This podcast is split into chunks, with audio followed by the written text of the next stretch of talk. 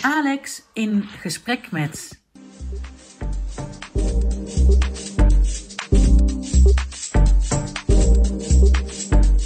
Mogelijk gemaakt door Sensor Bestuur.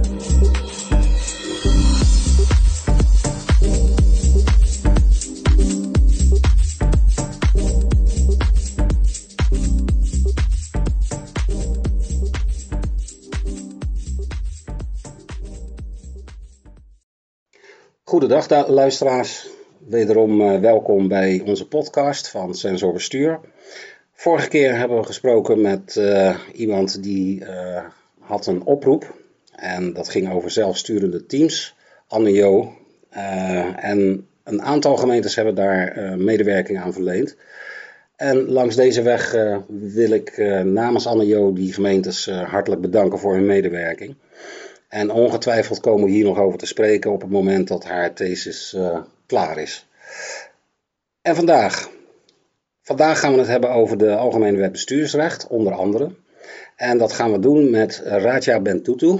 En Raja, nou, ik kan van alles en nog wat erover vertellen waar ze werkt, eh, wat ze allemaal gedaan heeft, maar ik heb liever dat ze dat zelf doet.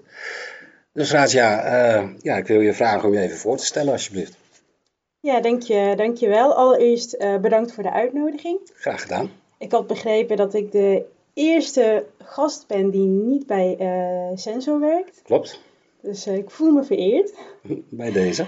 Ik ben inderdaad Raja Bentutu. Ik ben 32 jaar oud en ik kom uit Den Bosch. Ik ben geboren en opgegroeid in Bergen-op-Zoom, dus eh, de andere kant van, van Brabant. Mhm. Ehm, ik ben eigenlijk eh, per ongeluk bij de gemeente terechtgekomen. Er is wel een, eh, een grappig verhaal. Tijdens mijn eh rechtenstudie aan de ehm, Universiteit van Tilburg had ik eigenlijk al wel een, een, een, nou, een, leuke bijbaan. Ik werkte als receptioniste. En een studiegenootje van mij, die was op zoek naar een bijbaan en die had daar een beetje moeite mee. Dus ik had aangeboden om, om mee te zoeken. Nou, dat vond zij natuurlijk ja, helemaal geweldig. Dus ik had allerlei vacatures eh, doorspitten. En ehm, op een gegeven moment kwam ik een vacature tegen bij eh, een gemeente in Brabant. Nou, ik dacht, nou, dit, eh, dit vindt ze vast wel leuk. Dus ik het doorsturen. Maar toen heb ik de vacaturetekst nog een keer goed gelezen. Toen dacht ik, hé, hey, Dat is wat voor mij. ja. ik dacht, nou, dit, dit lijkt me een, een hele leuke vacature. Mhm. En ik zat ook net voor mijn master. En ehm, ja, op een gegeven moment moet je kiezen, hè, waar ga je je vooral op eh, concentreren qua rechtsgebied. En ik twijfelde heel erg tussen het privaatrecht en het bestuursrecht. Dus ik dacht, nou ja, ehm, als ik eh, solliciteer en ik word aangenomen, kan ik een eh, kijkje in de keuken nemen. En eh, ehm, ja, dan zie je hoe zo'n zo'n overheid werkt eigenlijk. Nou, zo gezegd, zo gedaan. Wij allebei gesolliciteerd op die vacature. Nou, ik, eh, ja, ik, ik ben het inderdaad eh, geworden. Of ik, ik was een van de mensen die, eh, die is aangenomen. Mhm. Wat zei je vriendin? Ja, die was dus niet aangenomen. oh, Dus dat was, ja, dat was... was dat pijnlijk? Of, Nou ja, ik, ik voelde me in eerste instantie schuldig, maar ik dacht, ja, ik heb hem doorgestuurd en zij heeft gesolliciteerd en ik ook. We hebben eerlijke kansen gehad. En blijkbaar paste ik toch iets beter bij, eh, bij het team, denk ik. Ben je nog steeds vriendin?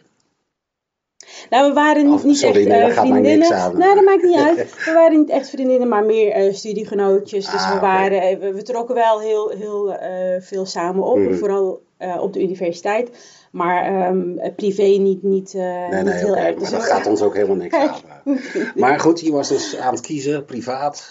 Ja, inderdaad, privaatrecht, bestuursrecht. En eh, ehm, nou ja, ik eh, was dus aangenomen voor, voor de functie van Bali-medewerkster. En ze waren ook echt specifiek op zoek naar studenten.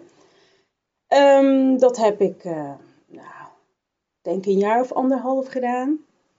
En toen had ik zoiets van, nou ja, ik, ik heb het wel gezien. Hè, want eh, als oproepkracht en als eh, student mag je eigenlijk alleen maar dus, nou ja, iets simpele, eh, simpelere eh baliewerkzaamheden doen. eh, paspoortjes, rijbewijzen, dat soort dingen. En na anderhalf jaar was ik uitgekeken. Waarom vind je dat simpel? Nou ja, ehm, ik vind het eh, helemaal niet simpel, maar zo werd dat ehm, gepresenteerd. En volgens mij gebeurt dat heel vaak dat mensen Mhm. dat in, eh, in vacatures eh, op die manier presenteren. Hè?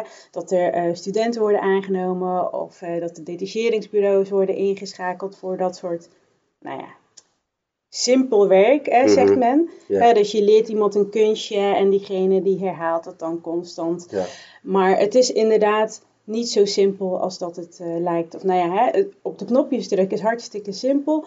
Maar het is, De gedachte erachter. is Mhm. denk ik ook heel erg Mhm. belangrijk om te Mhm. weten waarom je op die knopjes drukt. Zeker, ben ik 100% met je eens. Eh het gebeurt wat mij betreft te vaak eh, dat mensen ingewerkt worden die tijdelijk binnenkomen. En wat jij zegt, er wordt een kunstje geleerd, maar alles wat erachter zit aan kennis en ervaring en gedrag, ook dat vooral, dat wordt niet meegegeven.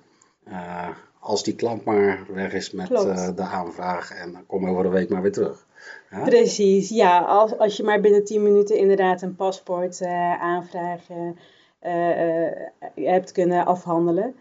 Ehm, dus, dus nou ja, goed, hè, dus constant datzelfde eh, eh, kunstje uitvoeren. Nou, daar was ik op een gegeven moment een beetje op uitgekeken.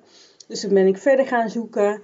En ehm, ik heb een keer aan mijn teamleider gevraagd of ik hem als referentie kon opgeven.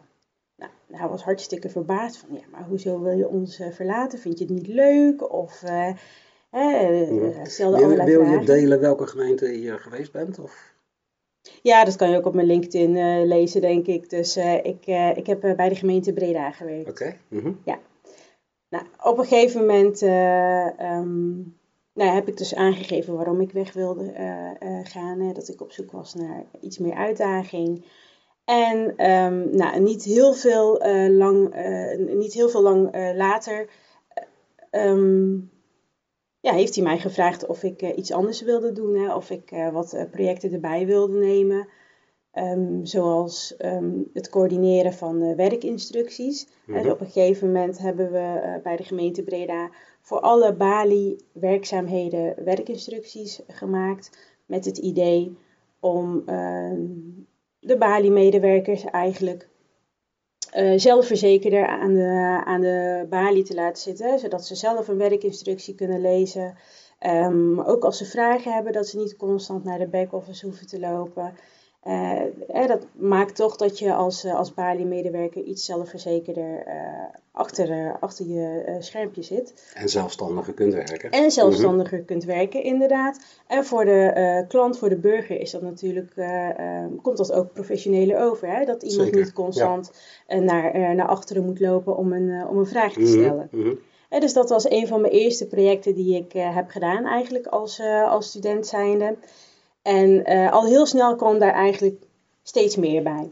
Ja, op een gegeven moment eh, ehm, ehm, ja, ging, ging de gemeente Breda eh, niet ingezetenen van een burgerservice nummer voorzien. Althans, heel veel seizoensarbeiders wilden heel graag in Nederland werken. Mhm, en daar hebben mhm. ze een burgerservice nummer voor nodig. Heeft Breda een RNI-loket? Ja, een Ja. RNI-loket Mhm. inderdaad. registratie niet ingezetenen. En niet heel snel daarna ehm, is Breda ook paspoorten af gaan geven aan Nederlanders die in het buitenland wonen.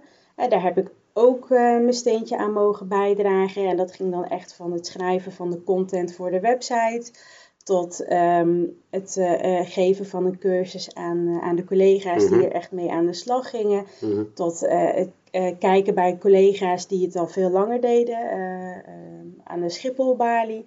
Dus dat waren allemaal hartstikke leuke dingen voor een, eh, voor een student eigenlijk. Mhm, mhm. En op een gegeven moment ben ik in 2015 eh, afgestudeerd. En ik had inderdaad gekozen voor het accent bestuursrecht. eh, maar wel met heel veel extra privaatrechtelijke vakken die ik eh, Mhm. nou, vrijwillig Heeft, heb heeft uiteindelijk die, die taken die je extra bent gaan doen binnen die bijbaan, als ik dat zo mag uitdrukken, Ja. ehm, heeft dat er uiteindelijk toe geleid dat je die keuze voor bestuursrecht hebt gemaakt? Of of waren er andere overwegingen? Nou, er waren ook wel andere overwegingen hoor. Eh, ik ben afgestudeerd eh, in een periode dat de crisis nog, uh, nou ja, de banen lagen niet voor het oprapen. Dus ik heb op een gegeven moment meer een verstandige keuze gemaakt, want in het bestuursrecht uh, er waren heel weinig studenten die wilden afstuderen in het bestuursrecht en heel veel in het privaatrecht. Hè. Dat mm. scheelde echt honderden. Dus je telde je knopen aan. Uh, ja, ja, mm. ja, en ik vond het allebei hartstikke leuk. En ik heb uh, ja, ook, ook heel veel privaatrechtelijke vakken gevolgd. Ik heb alleen geen scriptie mm, geschreven. Ik vond één scriptie meer dan voldoende. Dus zodoende. Maar ja, in 2015 dus afgestudeerd en um, toen. Um, is mij een, eh, een baan aangeboden als uh, medewerker gegevensbeheer, uh, noemen ze dat in, uh, in Breda. dus dan zit je echt aan de back-office en dan hou je je bezig met de naturalisaties, met de burgerlijke stand, um, het toevoegen van latere vermeldingen mm. aan actes en, en dat soort werkzaamheden. Mm-hmm. En toen heb ik dus ook um, ja, de, de, de burgerzakenopleidingen gevolgd. Maar inderdaad, dankzij die uh, extra klusjes die ik als student mocht doen, is mijn liefde voor burgerzaken inderdaad wel mm. gegroeid. Want toen ging er een hele andere wereld voor me open. En ik kon me ook echt bezighouden met uh, met waarom. Hè? Waarom doen we het op deze manier? Mhm. En, uh, dus, dus daar is uh, ja, de liefde voor burgerzaken wel echt ontstaan eigenlijk. Oké. En, en ehm, nou, daar heb je dan een tijdje gewerkt. En, en waar werk je nu? Ik werk nu bij de provincie Noord-Brabant in mhm. Den Bosch. Wat doe je daar? Ik ben jurist. Dus ik ja, ben wel echt gaan doen daar waar ik voor ben opgeleid. Aha. Uh, en daarnaast geef ik nog wel uh, vaak les aan, uh, aan burgerzakenmedewerkers. En zo geef ik ook les voor, voor Sensor. want, ja, dus je bent wel in dienst van nee, nee. ja, Sensor is een van mijn opdrachtgevers, maar ik ben niet in dienst. en, en NCOD of? De NCOD inderdaad, voor de mm. Marium, ja, destijds Johan van den Broek. Die had me toen ook benaderd. Daar heb ik ook les voor gegeven. Maar um, ja, vooral voor de NCOD. En, mhm. En, en, nou ja, de NCOD werkt ook heel veel samen met Sensor. Dus zo ben ik ook bij Sensor terechtgekomen. Ja, en, en je bent nu jurist bij de provincie Noord-Brabant. Um, wat, wat voor soort zaken kan ik me voorstellen waar je je mee bezighoudt? om dadelijk vervolgens de diepte in te gaan met betrekking tot de algemene wet bestuursrecht? Nou ja, van alles en nog wat eigenlijk. Uh, ik heb me ook met heel veel verschillende onderwerpen bezig gehouden bij, uh, bij de provincie. Maar de algemene wet bestuursrecht komt eigenlijk altijd wel uh, terug. Mm ik heb me nou ja, onder andere bezig gehouden met de nadercompensatie, met planschade. Um, heel veel onderwerpen die te maken hebben met de infrastructuur dus er wordt ergens een weg aangelegd, um, waardoor de bereikbaarheid van een, um, nou, ik noem maar wat, van een snackbar uh, ineens, de snackbar is ineens niet meer te bereiken, omdat men zes weken achter elkaar daar bezig is. Nou, dan kan er dus schade scha nadelcompensatie gevraagd worden. Dus daar heb ik me mee bezig gehouden, maar ook met vergunningen, nou, van alles en nog mhm. wat.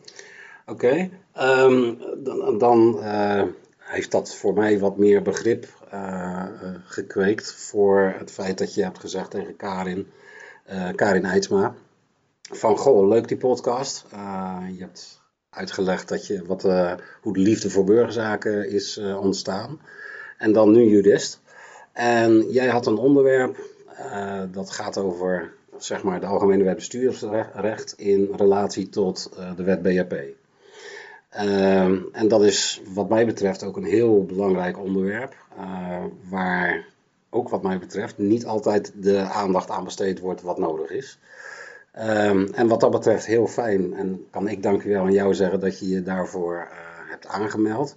Ehm, en wat gaat er nu niet goed en wat gaat er eventueel wel goed bij gemeentes bij het toepassen van bestuursrecht? En laten we, ik beginnen met een heel simpel voorbeeldje, dat iemand een verhuizing opgeeft. Uh, uiteindelijk blijkt uit onderzoek, want iemand komt voor in een risicoprofiel. En daarom hebben we onderzoek gedaan en het blijkt dat die persoon die verhuizing gewoon niet door mag geven. En dan?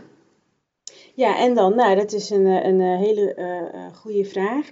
Uh, de algemene wet, om, om, eerst maar eens even in te gaan op de algemene wet bestuursrecht. Het is een beetje een ondergeschoven kindje binnen burgerzakenland. Um, niet overal natuurlijk en niet altijd.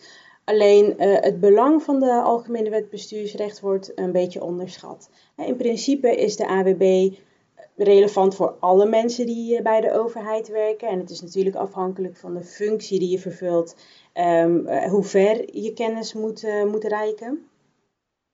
Um, maar ook uh, voor de, uh, de mensen die bijvoorbeeld aan de front office zitten en die verhuizingen aannemen of uh, een paspoort aanvragen behandelen.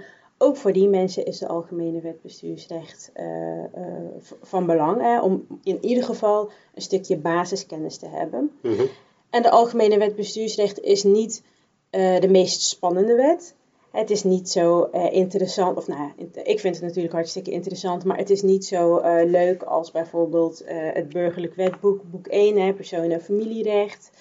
dat is toch, ja, dat is toch iets, iets andere materie, iets minder saai. En de algemene wet bestuursrecht is misschien een beetje taaie stof, maar ook vooral omdat de mensen of, of cursisten vaak nou, niet te maken hebben gehad met de AWB. En dan is het toch iets lastiger om de Mhm. stof ehm, te plaatsen. Nou, als ik je kort mag onderbreken, eh, wat ik er heel interessant aan vind. Ooit heb ik eh, op de bestuursacademie gezeten en eh BABZ gedaan. En daar kregen we ook de Algemene Wet Bestuursrecht. Die kwam toen net, die was toen net aangenomen en dat werd toen in tranches eh, Oh, uitgezet. dat is Dat heel lang geleden. Ja. In eh, 94 volgens mij. Ik ben al grijs en ik heb een baard. En... nee, maar dat is heel lang geleden, dat klopt. Maar wat mij daarbij opviel, eh, voor zover ik dat nog goed onthouden heb, eh, wat ik het grote voordeel vind, niet zozeer voor ons als ambtenaar, maar juist voor de rechtsbescherming van nou ja, de burger, dat het heel veel lacunes in wetgeving opvangt. Heb ik dat goed of zie ik dat verkeerd? Ja, dat, dat eh, klopt inderdaad. Want voordat de Algemene Wet Bestuursrecht in werking is getreden, had je allemaal verschillende wetten. Dus het was niet alleen voor de burger, maar ook zeker voor de ambtenaar en zelfs voor advocaten soms lastig om, ehm, ja, om heel snel een antwoord te kunnen geven. Ik noem maar iets heel simpels. Eh, wanneer moet, eh, moet een overheid reageren op een aanvraag bijvoorbeeld? Nou, dan moet je dus echt in een specifieke wet gaan kijken wat daarin staat. Terwijl nu is heel veel eh, gecodificeerd in de Algemene Wet Bestuursrecht. Dat wil niet zeggen dat we niet meer in de bijzondere wetten moeten kijken. Dus in andere wetten zoals de paspoortwet eh, of eh, de, BRP. Wegenverkeerswet of de BRP inderdaad. Hè, die, die zijn nog steeds hartstikke belangrijk, maar het gros is toch gecodificeerd in die Algemene Wet Bestuursrecht. Inderdaad, ook als het gaat om bijvoorbeeld eh, de rechtsbescherming, eh, maar ook de algemene beginselen van behoorlijk bestuur. Hè, dat, ja, die zijn ook heel belangrijk voor de mensen die eh, eh, bij burgerzaken werken. Je moet zorgvuldig zijn, je moet bijvoorbeeld goed kunnen motiveren op het moment dat je een aanvraag inderdaad afwijst. Dus het is ook voor ons ambtenaren makkelijker geworden. Oh, zeker. Ehm, maar je sprak er net over basiskennis hè, voor die front office medewerker. Die algemene beginselen van behoorlijk bestuur, behoren dat tot die basis volgens jou? Ehm, nou, hoeven ze niet te kennen tot in de diepte, denk ik. Maar ehm, ja, je moet toch ook wel dienstverlenend zijn. Hè? Je moet ook wel een stukje meedenken met, eh, met de klant of met de burger. De burger niet zomaar wegsturen. eh, eh, goed kunnen uitleggen hoe en wat. Ook al neem je geen besluit. Mhm. hè, dan nog is het van belang dat je de burger wel probeert te helpen en dat je dienstverlenend bent. Dus, dus in die zin is het zeker ook voor de mensen die aan de front office zitten belangrijk. Ja, ja want die, die moet toch uitleg kunnen geven om verder te gaan op jouw opmerking over dienstverlening. Eh, die moet toch een bepaalde uitleg kunnen geven waarom iets gebeurt. We hebben het, de verhuizing als voorbeeld. Hè? Ja, En als daar dus iets uit voortvloeit, moet die Bali-medewerker wel kunnen uitleggen hoe dat werkt en hoe, die lang, hoe lang die nog moet wachten of hè, wat, wat voor eh, stappen we Ja. nog allemaal gaan ondernemen. Ja, precies, inderdaad. Hè. Dus stel dat iemand een, een verhuizing komt aangeven.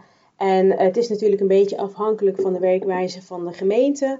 Eh, of de Bali-medewerker ook al inhoudelijk kijkt naar eh, eh, de eisen, et cetera. Maar dat je in ieder geval toch wel iets zelfverzekerder achter die balie zit. En dat je weet, eh, ehm, ehm, nou ja, bijvoorbeeld wat de beslistermijn is. Hè, dus als je al eh, zo een idee hebt dat er iets niet klopt, dat je dat alvast kunt eh, Mhm. vertellen aan, Mhm. eh, aan de burger inderdaad. Dus in die zin is dat, is dat zeker En in wel dit relevant. geval van die verhuizing is die beslistermijn vastgelegd in de hoofdwet. De hoofdwet is in dit geval de wet BRP. In de wet BRP worden geen termijnen genoemd, geen beslistermijnen. Als het gaat om het geheel of gedeeltelijk weigeren van een, eh, van een verhuisaangifte. Ehm, in de wet BRP is wel een artikel opgenomen waarin staat dat eh, het college van BNW binnen vier weken een persoonslijst toestuurt. En dat zorgt in de praktijk vaak voor verwarring. Want men denkt vaak dat dat eh, dus de beslistermijn is, maar dat is niet het geval. En dan gaan we een beetje de diepte in. Dat is de bedoeling. Maar in artikel 2.60 van de wet BRP ehm, is een opsomming ehm, eh, opgenomen waarin staat ehm, welke eh, beslissingen van het college van BNW worden eh, gelijkgesteld met een beslissing zoals bedoeld in de Algemene Wet Bestuursrecht. Nou, op het moment dat het college van BNW een verhuisaangifte geheel of gedeeltelijk wil eh, weigeren, nou, dan moet dat dus eh, schriftelijk gebeuren. Dat is een besluit. En er wordt inderdaad ook verwezen naar de Algemene Wet Bestuursrecht. Nou, omdat er dus geen termijn wordt genoemd in de wet BRP, eh, val je terug op de Algemene Wet Bestuursrecht. En in de Algemene Wet Bestuursrecht staat dat ehm, als de bijzondere wet niks regelt, hè, dus de wet BRP is zo'n bijzondere wet, dan moet het bestuursorgaan eh, binnen een redelijke termijn een beslissing nemen. En een redelijke termijn is maximaal acht weken. Oké, dus op het moment dat ik een verhuizing eh, binnenkrijg, heb ik acht weken de tijd om die te behandelen. Ja, heb je in beginsel acht weken de tijd? eh, nee, op het moment dat je wil, voornemens bent om hem te weigeren. Ik moet me eigen wel even corrigeren. Dus op het moment dat er niks aan de hand is, het is gewoon een, een binnengemeentelijke verhuizing. Nou, dan gebeurt dat volgens mij aan de balie meteen dezelfde dag nog. Hè? Dus het is- Maar welke officiële termijn hangt er aan het behandelen van die verhuizing? Nou, dat is dus afhankelijk van of je hem ehm, weigert of niet. Ja, maar Want- ik weiger hem niet. Dus Als alles, je- alles is goed. En, ik, eh, en wat is dan de maximale termijn die ik volgens de wet heb om die verhuizing door te voeren? Nou, op het moment dat je hem eh, doorvoert, dan spreken we niet over een besluit zoals bedoeld in de Algemene Wet Bestuursrecht. En dat betekent dus dat de termijnen die in de AWB staan, dus in principe niet van toepassing zijn. Mhm. Maar, hè, zoals ik net al zei, we hebben wel te maken met de algemene beginselen van behoorlijk bestuur. Ehm, en het is heel gebruikelijk om dezelfde dag nog zo'n verhuisaangifte eh, te verwerken. Hè, als het gaat om een binnengemeentelijke verhuizing bijvoorbeeld. Nou, dan is het natuurlijk niet heel redelijk om acht weken te wachten. Nee, dat snap ik. Maar ik was even naar de echt juridische termijnen. Daar probeerde ik naartoe te gaan. Eh, want eh, dan hebben we algemene eh, beginselen van behoorlijk bestuur. En ja, dan is het logisch dat als jij dat vandaag die verhuizing doorvoert, ja, dan voldoe jij aan die ABB. Ja, precies. Maar als, ja, ik blijf misschien een beetje doorzeuren, maar op het moment dat ik die verhuizing op mijn bureau krijg, welke wet zegt mij hoe lang ik daarover mag doen? Laat ik de vraag dan zo stellen. Nou, op het moment dat er niks aan de hand is, hè, dus dat je eh, eh, de aangifte gewoon kunt eh, doorvoeren, dan ehm, zeggen zowel de Algemene Wet Bestuursrecht als de Wet BRP daar niks over. Dus dan val je echt terug op dat wat is afgesproken bijvoorbeeld. Dus stel dat er een overkoepelend orgaan is, ehm, zoals de NVVB, hè, om maar een voorbeeld te noemen. Mhm. En er wordt afgesproken, nou, hè, eh, als het gaat om dit soort verhuizingen, dan moet het binnen een dag gebeuren. En als het gaat om nou ja, een ander type verhuizing, eh, dan hanteren we vier weken of twee weken of één week. Of het is Mhm. afhankelijk van de documenten die nog eh, aangeleverd moeten worden. Hè, dus als het gaat om eh, ehm, ehm, een verhuisaangifte waar niks mee aan de hand is, dan zijn er eigenlijk geen, eh, dan zijn de wettelijke termijnen van de AWB niet van toepassing. En de wet BRP zelf hanteert ook geen termijn. Oké. Maar nu ga ik weigeren. En dan? Ja, als je gaat weigeren, dan is het inderdaad een ander verhaal. Dus dan eh, heb je in principe acht weken de tijd om je onderzoek te verrichten. En mocht het nodig zijn, mag je, ehm, mag je ook nog een keer verlengen. Stel dat het onderzoek eh, eh, zo ingewikkeld is dat je meer tijd nodig hebt, dan mag je eh, ook verlengen. Maar in principe inderdaad acht weken.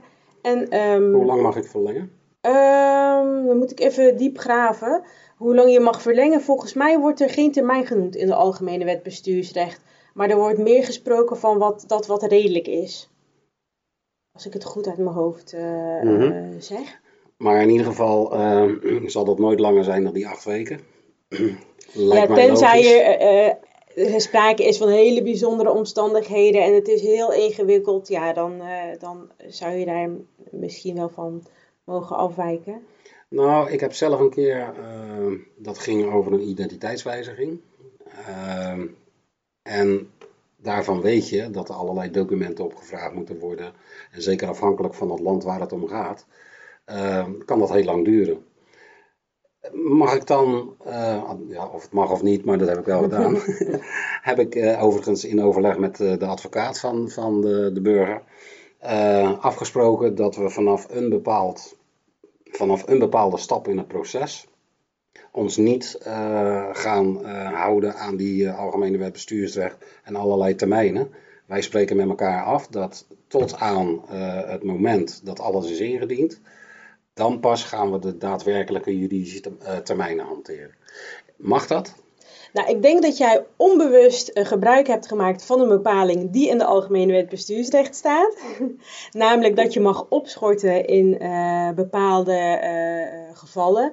Eén daarvan is inderdaad als er documenten moeten worden opgevraagd bij een buitenlandse eh, instantie. Hè, dan mag je opschorten. Maar je mag inderdaad ook opschorten als je dat hebt afgesproken met degene die het verzoek heeft ingediend. Ehm, eh, dus ja, dat mag inderdaad. Nou, Oké. Ehm, we hebben hem geweigerd. Eh, dan hebben we acht weken om onderzoek te doen. En nou ja, wa- wa- wat doen we in die acht weken naast onderzoek? nou ja, vooral onderzoeken. En eh, eh, als je inderdaad tot de conclusie komt dat je wilt gaan weigeren, dan neem je een eh, ehm, voornemen. Wat houdt dat in? Nou, in je voornemen staat eigenlijk precies waarom je van plan bent om te gaan weigeren. En met je, ik zeg nu je, maar met je bedoel ik het college van BMW.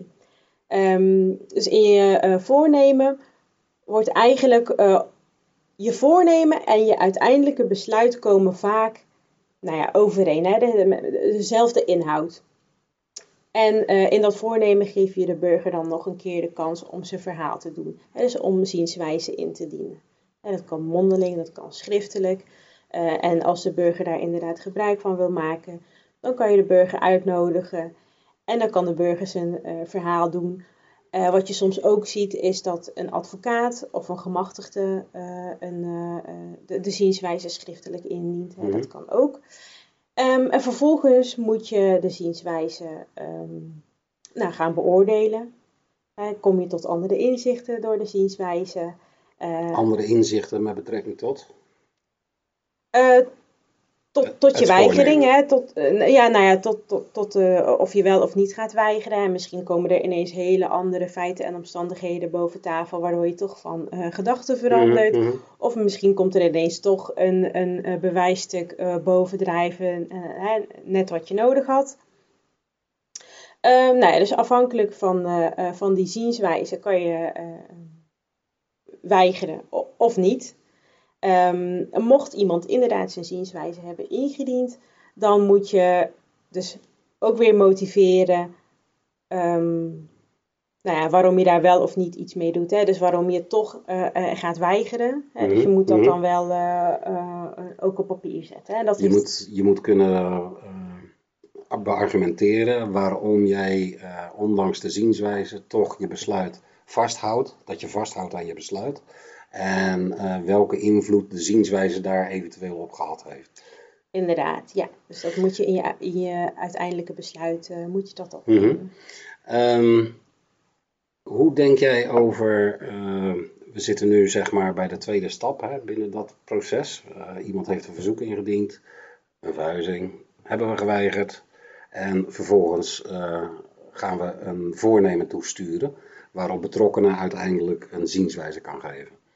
Voordat die zienswijze eh, gedaan wordt, of misschien al eerder in het proces, hoe denk jij over mediation? Ehm, ik ben wel een groot voorstander van, eh, eh, van mediation.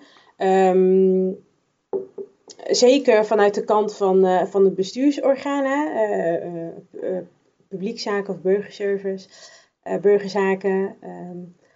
Ehm, ja, denk ik dat dat wel een, een, ehm, eh, goed is om, eh, om eerst met de burger in gesprek te gaan. Om eerst eens te kijken, ehm, begrijpen we elkaar wel? Maar misschien ook om uit te leggen nou ja, wat de regels zijn, bijvoorbeeld, en waar de burger aan moet voldoen en waarom het niet kan op de manier eh, zoals de burger het wil. Eh, alleen vaak wordt mediation pas toegepast ehm, op het moment dat er een bezwaarschrift wordt ingediend. Hè, daarvoor noemen we het geen mediation, maar is het eigenlijk gewoon dienstverlening of klantvriendelijkheid of hoe je het dan ook maar wil. Geef Eh, beestje maar een noemen. naam. Ja, geef het beestje inderdaad maar, eh, maar een naam.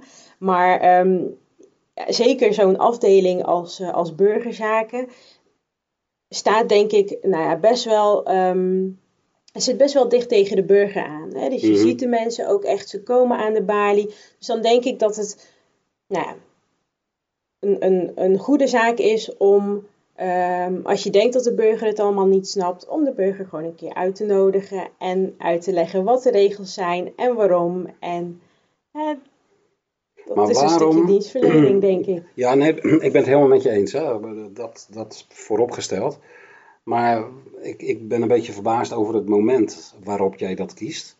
Eh, en misschien niet jij zozeer, maar dat blijkt dan in de praktijk zo te zijn.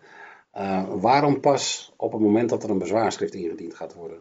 Want dan heb je al een behoorlijk deel van het proces doorlopen. En dat had je kunnen voorkomen volgens mij als je aan de voorkant al dat gesprek aan was gegaan.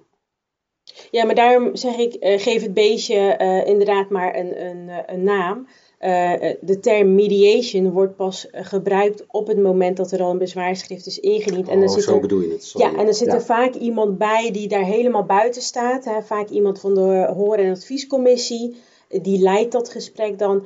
Terwijl als je dan een stapje terug gaat, hè, dus op het moment dat iemand een verzoek indient, dan doe je dat eigenlijk zelf. Althans, dat zou je zelf, ja, ik denk dat het heel logisch is om, eh, om een burger uit te nodigen voor een soort van mediation eh, traject. Maar dat, ik noem dat dan gewoon dienstverlening. Mm, simpelweg in gesprek gaan met elkaar Ja. over het eh, probleem Ja, of precies. de uitdaging. Ja, volgens mij hoort dat ook gewoon bij je takenpakket als je bij eh, burgerzaken werkt. Mhm. Eens. Ehm, we hebben een verhuisaangifte, we hebben geweigerd met een zienswijze. Vervolgens, eh, sorry, met een voornemen. En vervolgens hebben we de zienswijze ontvangen. Eh, in dat deel van het proces zijn daarbij ook mogelijkheden om de termijnen uit te stellen. Tussen de zienswijze en Nou, eh, eh, tussen het verzoek en eh, ehm, het voornemen. En tussen het voornemen en de zienswijze. Mag je daar uitstel verlenen dan wel nemen? Ja, nou de zienswijze schort inderdaad sowieso eh, de beslistermijn op. Dus als je de burger bijvoorbeeld twee weken de tijd geeft om zijn zienswijze eh, in te dienen, of in ieder geval te reageren op de vraag of eh, hij zijn zienswijze wil indienen, nou dat schort de termijn op. Ehm, maar je kunt inderdaad verlengen of opschorten en opschorten inderdaad afhankelijk van eh, de feiten en omstandigheden. Want daar zijn inderdaad wel wat eisen aan, eh, aan verbonden. Het Algemene Wet Bestuursrecht noemt eigenlijk precies op wanneer je mag opschorten. En heel vaak heb je de medewerking van de burger nodig. Dus dan vraag je aan de burger van, nou ja, we zijn toch bezig met een onderzoek. Ehm, eh, bent u het ermee eens om eh, met vier weken op te schorten bijvoorbeeld? Mhm. Of er wordt inderdaad een document aangevraagd in het buitenland. Nou, dan, dan mag je ook opschorten. Dus daar zijn wel wat, eh, Mhm. wat voorwaarden aan, aan verbonden aan dat opschorten. Verlengen eh, kan je als, je als je meer tijd nodig hebt voor je onderzoek. En die eh, zienswijze, op het moment ehm, dat die niet oplevert wat die burger eigenlijk zou willen, dan nemen wij dus eigenlijk het besluit wat we in de zienswijze al kenbaar hebben gemaakt. Ja. En dan? Heeft, Nou ja. die, heeft, die, heeft die burger dan nog mogelijkheden? Jazeker. Ja, dan eh, zijn er een aantal eh, rechtsmiddelen die eh, de burger kan aanwenden. En vandaar dat de Algemene Wet Bestuursrecht dus ook heel belangrijk is voor degene die dat besluit uiteindelijk neemt. Wat, wat, we moeten er ook aan denken dat er ook luisteraars zijn die niet helemaal juridisch onderlegd zijn. Wat zijn rechtsmiddelen? Ja, eh, bezwaar en beroep. Oké, dus eh, op het moment dat zo'n eh, zo'n ambtenaar inderdaad een, een besluit neemt, hè, dus een weigering. Hè, we gaan u niet verhuizen, want. En dan met, eh, eh, met de motivering. Nou, onderaan die brief wordt een bezwaarclausule opgenomen, zoals dat dan heet. En eh, daarin staat dus dat eh, de burger in bezwaar kan gaan binnen zes weken bij het college van BNW. Als hij het niet eens is met, ehm, met het besluit. Mhm. En dus vandaar dat. ehm, en daar, komt de, daar is de AWB dus ook weer belangrijk in. Want op het moment dat je vergeet om zo'n clausule op te nemen, betekent dat dat het besluit niet in werking is. Of dat, ehm, eh, ik zeg het verkeerd, dat eh, de beslistermijn, nee, dat de bezwaartermijn, sorry, niet eindigt. Dus normaal gesproken heb je zes weken de tijd om in bezwaar te gaan. Nou, op het moment dat de eh, ambtenaar per ongeluk vergeet om, om de bezwaarclausule toe te voegen, dan betekent dat dat de burger over acht weken, of twee maanden, of drie maanden Of alsnog. acht jaar. Ja, dat is ook wel eens eh, voorgekomen in, eh, in de belastingzaken. Daar is ook jurisprudentie van, inderdaad. Mhm. Ehm, dat er dus pas veel later een bezwaarschrift wordt ingediend. En dat wil je natuurlijk niet. Dit geeft al aan hoe belangrijk die eerste, eerste brief is hè, eh, Ja. na de zienswijze. Zeker, maar ook dat je het besluit eh, eh, bekend maakt. Zoals in de Algemene Wet Bestuursrecht staat. Want als je dat niet doet, dan treedt het besluit dus niet in werking. Wat is bekendmaken? Hang ik dat ergens op een bord? Of, Ja, dat is een hele goede vraag. Nou, bekendmaken kan op twee manieren. Of door het besluit te overhandigen. Stel dat de burger toevallig aan de balie staat, noem maar wat. Dan zou je het besluit kunnen overhandigen. Of door hem op te sturen. Dus per post toe te zenden. Dan eh, heb je voldaan aan de eisen, aan de juridische voorwaarden. ehm, die aan de bekendmaking eh, eh, hangen. Doe je dat niet, dan treedt het besluit dus niet in werking. Dus ik, ik noem maar wat, stel dat een, dat een burger buitenland onbekend wordt uitgeschreven en het besluit is niet op de juiste wijze bekendgemaakt, dan is het besluit dus eigenlijk nooit in werking getreden. Mhm. Maar wat dat laatste betreft, eh, ik weet helemaal niet waar die persoon woont. Die, we weten wel dat hij in het buitenland zit. Maar dan maken we het bekend in een eh, huis-aan-huisblaadje bijvoorbeeld. Ja, dat moet inderdaad ook. Ja, want dan is het eh, in dat geval is het dus niet voldoende om hem op te sturen, want je hebt net geconcludeerd dat die persoon niet meer op adres X woont. Hè? Dus dan is het toesturen van dat besluit naar adres X, dat heeft geen eh, toegevoegde waarde. Dus dan moet je hem inderdaad ook op een, eh, op een andere manier eh, bekendmaken, bijvoorbeeld in een huis-aan-huisblad. Mhm. Ehm, over die zienswijze, daar kom ik nog eventjes op terug. Ik hoorde jou net zeggen twee weken. Ehm, dus ehm, we hebben een verhuisaangifte. Eh, we gaan weigeren. Daaraan voorafgaand eh, doen we de zienswijze, of eh, het voornemen toesturen. En daar mogen ze een zienswijze op geven. Wat is de termijn eh, juridisch? Wat is de, de uiterste termijn waarop ze mogen reageren? Is dat twee of is dat zes weken? Of acht weken? Of... Nou, dat staat niet in de wet. De termijn voor de zienswijze. Oké, we hebben dus eh, eh, voor wat betreft de zienswijze eh, twee weken de tijd. Hè, geven wij de mensen om die zienswijze kenbaar te maken. Vervolgens hebben wij die zienswijze ontvangen. En ja, we zijn het er niet mee eens. Het geeft geen ander zicht op het voorlopige besluit wat we al genomen hadden. Dus wij gaan gewoon een besluit nemen. En dan?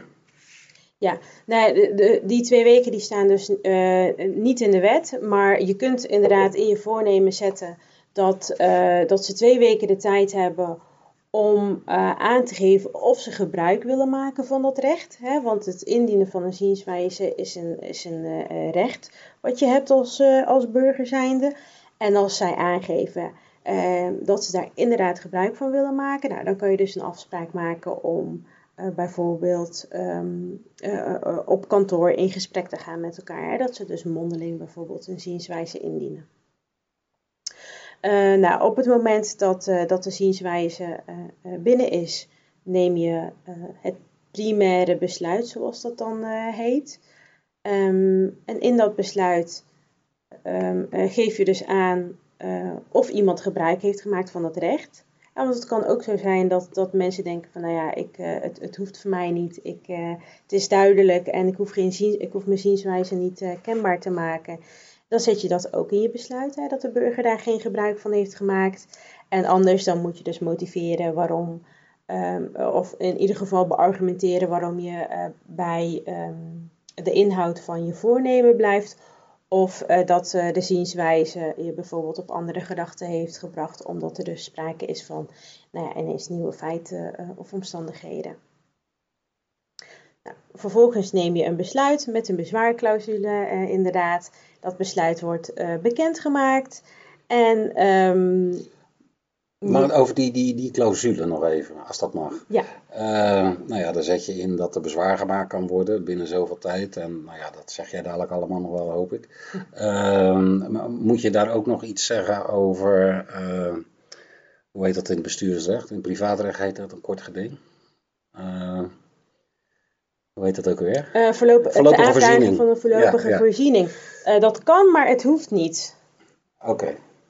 Het, uh, het, het kan wel, hè. dus als het echt spoed heeft, dan, um, nou ja, dan, dan is dat een mogelijkheid. En dan kunnen mensen meteen naar de rechter. En die neemt dan, ja, die, die gaat dan eigenlijk vooruitlopen op de zaken en die, die, nou ja, die gaat er iets van vinden van het onderwerp. Um, maar dan moet er dus wel sprake zijn van, van spoed. -hmm. um, maar het gaat mij om die clausule. um, zet je daar standaard in dat er een mogelijkheid is om een voorlopige voorziening aan te vragen? Ja, dat wordt niet altijd gedaan en dat is ook geen, uh, geen, geen eis. Okay. Uh, wel dat, uh, dat, dat men in bezwaar kan tegen het mhm. besluit, maar de mhm. voorlopige voorziening, dat, nee, dat hoef je er niet per se in te zetten. Nee, oké. Nou, en dan, dan is er dus bezwaar gemaakt. We gaan even ervan uit dat er bezwaar gemaakt gaat worden. En dan moet er door die ambtenaar een verweerschrift geschreven worden. Correct. Op basis van uh, het bezwaar. Dat bezwaar, zoals wij vanuit uh, het voornemen dezelfde inhoud gebruiken voor het primaire besluit, gebruikt die advocaat of burger of nou ja, gemachtigde, wie dan ook, die gebruikt dezelfde argumenten in het bezwaar als in de zienswijze. Hoe reageer je daar dan op? Dus ik zeg in de zienswijze A tot en met B, of uh, C bedoel ik. En ehm, vervolgens ga ik na het primaire besluit ga ik bezwaar maken. En dan zeg ik weer A tot en met C. Het is allebei hetzelfde. Hoe, hoe reageer ik dan in mijn verweer? Ja, nou ja, dat, dat is heel lastig om daar uh, antwoord op te geven, want dat verschilt natuurlijk per geval. Maar uh, vaak is er een, een hoor- en adviescommissie. dus dat bezwaarschrift, dat komt dan bij die hoor- en adviescommissie terecht. En dan moet de medewerker burgerzaken namens het verantwoordelijke bestuursorgaan, dus bijvoorbeeld het college van BMW, een verweerschrift indienen. Nou, een beetje afhankelijk van het onderwerp. Als het nou gaat om een heel lastig onderwerp, nou, dan kan je iets meer uh, gaan onderzoeken. Dus dan kan je bijvoorbeeld ook gebruik gaan maken van uh, jurisprudentie om je verhaal iets meer kracht bij te zetten. Hè, om aan te tonen dat je echt wel weet waar je het over hebt en dat het besluit inhoudelijk gezien correct is. Dus dat zou je inderdaad ook kunnen doen. maar dat heb ik eigenlijk al gedaan in het, eh, in het voornemen. Daar heb ik heel dat onderzoek al gedaan. En ik heb jurisprudentie al benoemd. Uh, dus eigenlijk heb ik alles al gedaan. En dan krijg ik een zienswijze. En in die zienswijze staat niet iets wat tegenspreekt wat in mijn voornemen staat. Dus er verandert niks. Dus eigenlijk ga ik gewoon hetzelfde vertellen als verweer. Ja, dat kan. Als, er, uh, uh, ja, als je verder niks toe te voegen hebt en als er van de andere partijen ook uh, geen ehm, Nieuwe nou argumenten. nieuwe argumenten of, of nou ja, bijzondere argumenten in het uh, bezwaarschrift staan, dan, en je vindt dat dat voldoende is, dan kan dat volgens mij prima. Hoe formuleer je dat? Zeg ik dan van uh, de, het, het, uh, het voornemen wordt als ingesloten beschouwd en toegepast of iets dergelijks? Nee, dat is echt een beetje afhankelijk van uh, allereerst van de werkwijze. Uh, maar ook of je echt helemaal niks toe te voegen hebt. Nou, dan kan je um, uh, verwijzen naar, naar het primaire besluit. en dat je verder niks hebt toe te voegen. Nee, zo of je kunt het het nog, dan. ja, zo simpel Ja. kan het zijn. Mhm. Of je herhaalt het nog een keer. Nou ja, dat kan ook. Ja, ja, oké. Ehm, we zitten nu eh, bij de hoorcommissie. Dus we hebben het hele proces gehad nu. Ja. Eh, bezwaar is geweest, eh, verweerschrift is geschreven. En dan komen we bij de bezwaarcommissie. En dan? Nou ja, dan eh, zal de eh, hoor- en eh, adviescommissie ehm, beide partijen vragen om hun verhaal te doen. Dus hoor, als hoor dat en wederhoor. Ja, hoor mhm. en wederhoor inderdaad. Beide partijen worden uitgenodigd om op hoorzitting te verschijnen. En wat je vaak ook ziet is dat op dat moment, of nou ja, net daarvoor, eigenlijk het mediation traject wordt ehm, eh, gestart. Ehm, en dan ga je nog eens een keer met de burger om tafel om te kijken of, eh, of, of eh, dat hele bezwaartraject echt nodig is. Ehm, en misschien trekt de burger zijn bezwaarschrift wel in als eh, Moet, moet dat schriftelijk? mediation. Nee, als het bezwaar ingetrokken wordt door de burger. kan wel gezegd worden van, ja, ik trek hem in. Maar een week later heeft, het, heeft hij of zij er toch spijt van. En gaat gewoon de procedure voortzetten. Ja, ik zou dat wel altijd eh, vastleggen, inderdaad.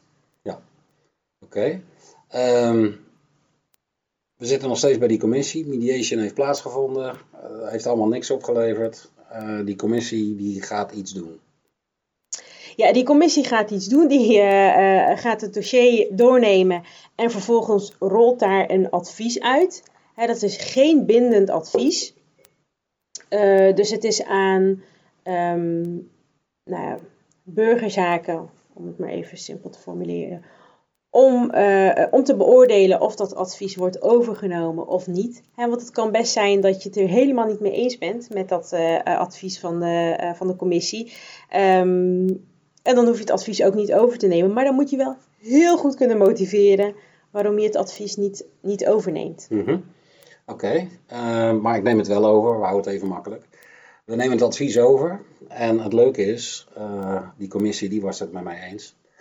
Eh, dus eh, ja, er verandert eigenlijk niks voor die burger. En dan?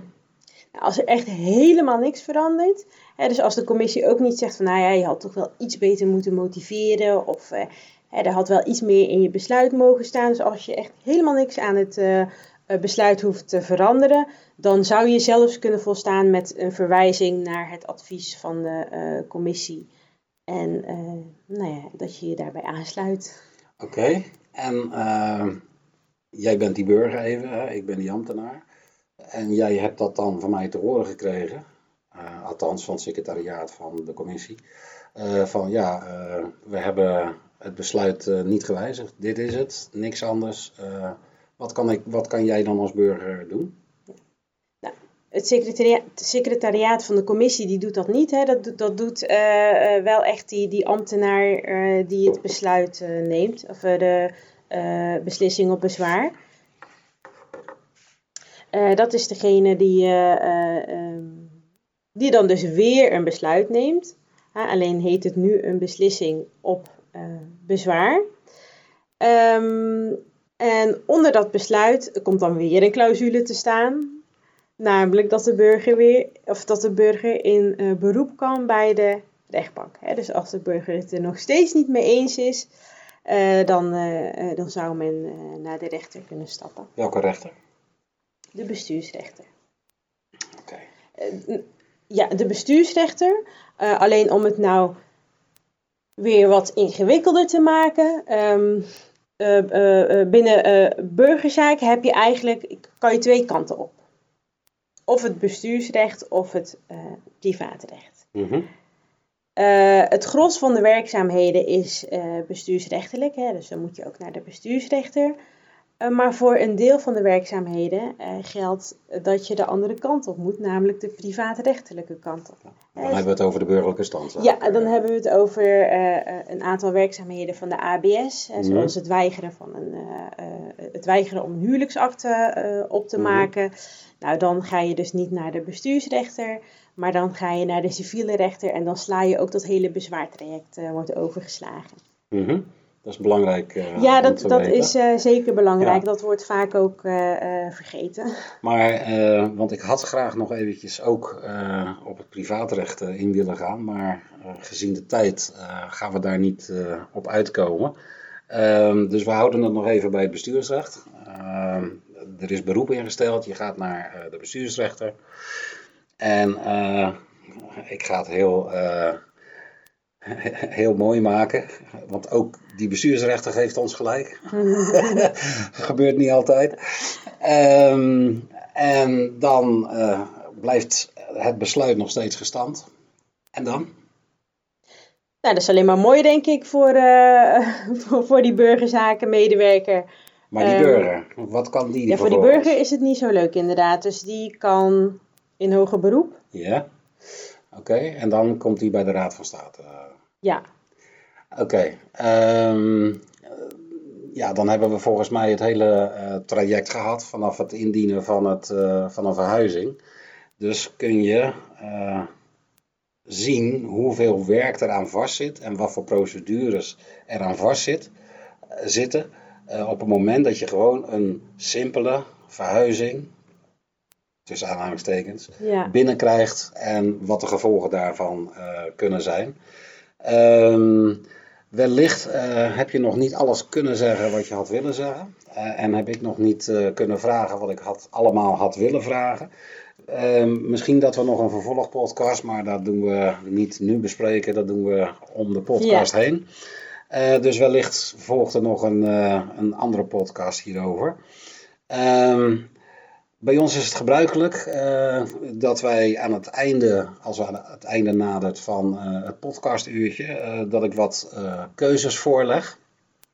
En je mag alleen maar een keuze maken, dus je moet antwoorden. Maar aan het einde vraag ik je, wil je nog ergens op terugkomen? En dan kun je nog ja, wat dieper daarop ingaan als je dat zou willen. ja, helemaal goed. Ja? Grapperhaus of opstelten? Dat is een lastige. Ehm Je mag er dadelijk op terugkomen. hè? opstelten. Gemeente of provincie? Provincie. Privaat of publiek? Sorry. Privaat of publiek recht? Publiek. iPhone of Samsung? Samsung. Pen of computer? Pen. Overheid of zakenleven? Eh, overheid. E-learning of fysiek lesgeven? Fysiek lesgeven. Publieksacademie of juridische modules? Eh, juridische modules. AD of Telegraaf? Telegraaf. Billie Eilish of Guus Meeuwis? Guus. Guus, kom naar huis. Nou, dat waren ze. Wil je nog ergens op terugkomen? Ja, die, ja, die eerste die waren eh, eh, heel lastig inderdaad om een, eh, om een keuze te maken. Gemeente of, of provincie. Qua inhoud van, van het werk, op dit moment zit ik goed op mijn plekje. Ehm, alleen de inhoud van burgerzaken, hè, dus echt de diepgang, de moeilijke zaken, de ingewikkelde onderwerpen, ja, die, ja, die liggen me ook nog steeds heel dichtbij Na aan het hart. eh, aan, aan- ja, inderdaad. Dus die vond ik, eh, eh, ja, die vond ik wel eh, lastig. En je had er nog één gesteld die ik... oh ja, publiek of privaatrecht. ik, uh, ook in mijn huidige werkzaamheden heb ik met beide rechtsgebieden te maken, zowel publiek als privaat. Dus ik vind ze allebei ook nog hartstikke interessant. En als het, gaat, uh, als het specifiek gaat om burgerzaken, nou, dan vind ik privaatrecht en vooral internationaal personen- en familierecht ook hartstikke interessant. Dus dat, dat was een moeilijke keuze. Boek 1 en 10. Boek 1 en 10, ja. Nou, dan zijn we hiermee aan het einde gekomen van deze podcast. Mogelijk gemaakt door Sensor Bestuur.